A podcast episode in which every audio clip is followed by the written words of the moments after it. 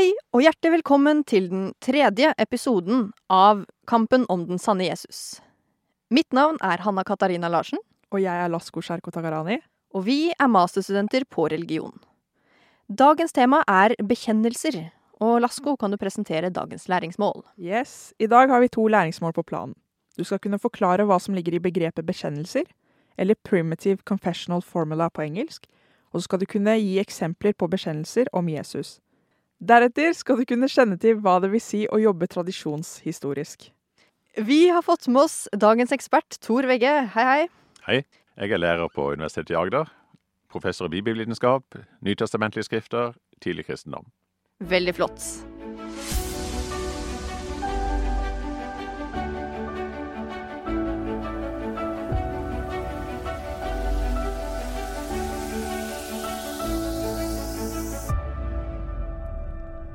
Så Tor.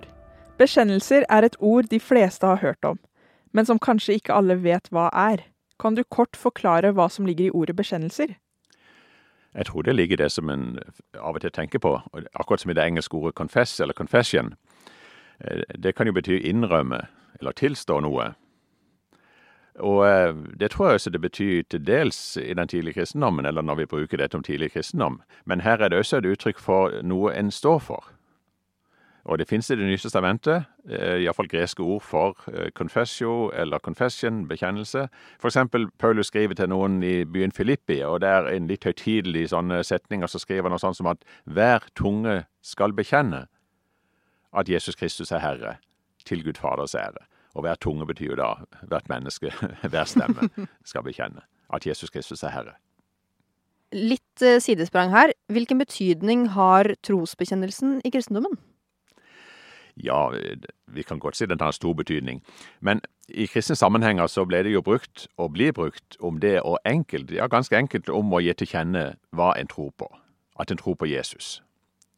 Men det kan også oppfattes med litt mer utførlig innhold, og den tidlige kristendommen utvikla jo trosbekjennelser som uttrykker litt mer utførlig hva de trodde på, sånn som vi tror på Jesus Kristus, Guds enebårne sønn, vår Herre.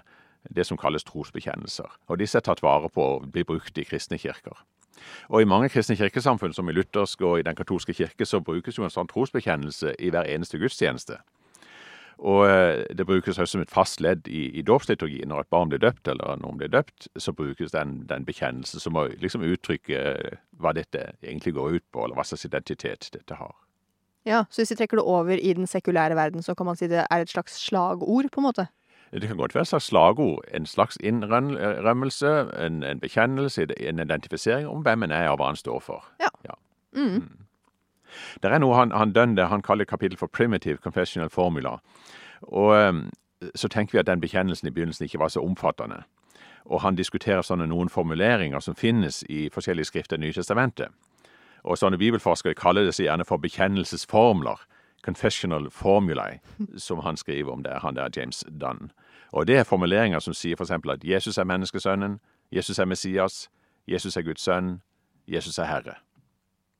Og det er noen da bibelforskere, og, og skriver om dette, han som skriver i denne boka vår, at bekjennelsen slik som Jesus er menneskesønnen, var den første og eldste trosbekjennelsen til Jesus, og at det siden så kom flere sånne formuleringer. Eh, Nå tenker vi sikkert at eh, bildet er litt mer sammensatt, og det er jo også temmelig uklart egentlig hva en bekjennelse sånn som Jesus er menneskesønn' det er temmelig uklart hva det betydde. Messias er et ord vi hører ofte i forbindelse med kristendommen. Kan du forklare hva som ligger i begrepet? Ja, Dette oppfatter han også som en sånn bekjennelse, at de første kristne sa, eller bekjente, Jesus er Messias. Ordet er hebraisk, fra den hebraiske bibelen, og det betyr den salvede. En sånn høytidelig salving, altså at en på et eller annet vis smørte noe olivenolje eller en salve på en person, ble brukt når en person ble innsatt som prest eller innsatt som konge. Så derfor kunne kongen også omtales som den salvede. Eller på norsk vil si den kronede. Ikke sant? Det er noe av det tilsvarende. Og noen tekster i den hebraiske bibelen i Gamle testamentet uttrykker et sterkt håp om at en, eh, det skulle komme en ny tid, ei fredstid, med en ny prins eller konge som skulle bringe ei fredstid. Altså i forventning om en ny salva, i forventning om en Messias. Og dette overtok de kristne og brukte det om Jesus. Og de bekjente jo at Jesus var denne forventa prinsen. Og Derfor snakker de også om Jesus som Davids sønn, for David var jo blitt symbolet på den gode fredskongen.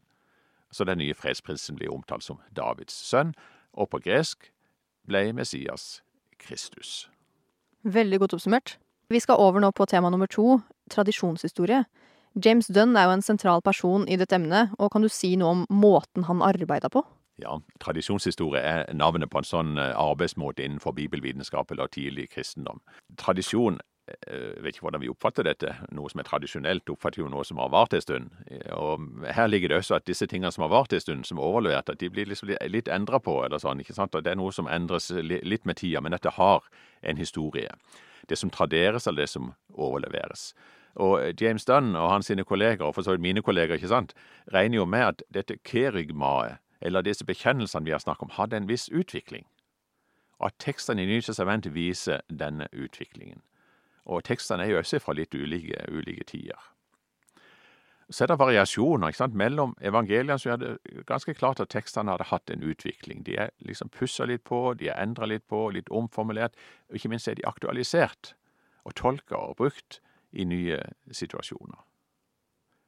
For eksempel så blir det diskutert egentlig hvor mye av det som står i evangeliene, som gjengir da Jesu originale ord. Hvor mye er det som er Jesu originale ord? Hvor mye er det som egentlig da er pussa litt på, eller endra litt på, eller utvida eller applisert? ikke sant? Så dette er det en tenker på som tradisjonshistorie, at ting blir tatt vare på og blir gjentatt, repetert. Og så blir det da også tilpasset, aktualisert og utvida og kanskje, kanskje tolka litt. Og det er bakteppet for det vi leser om i Dønn sin framstilling. Så det begynner altså med Jesus, Jesu ord og handlinger, og så fortsette med de som fulgte Jesus, de som var inspirert av han, de som gjentok det han sa, de som fortalte om det han hadde gjort, osv. De mintes og huska det han hadde lært, og det han hadde gjort, og sånn blir altså disse tekstene tradert, som vi da sier, og så blir de da gjerne slipt litt på og applisert og, og, og sånn. Så eh, det er det vi egentlig mener med den, den uh, tradisjonshistorien. Jeg tenker Der er en sånn, viss sånn kronologi i dette. Det begynte med Jesus, og så fortsatte det med kanskje Paulus, og så med Markus og og uh, Lukas, Matteus og Johannes, og så er det en sånn historie. Ja, i dag har vi lært veldig mye. Takk for at du kunne komme i dagens episode, Tor. Hanna og jeg gleder oss til å lære enda mer i neste episode.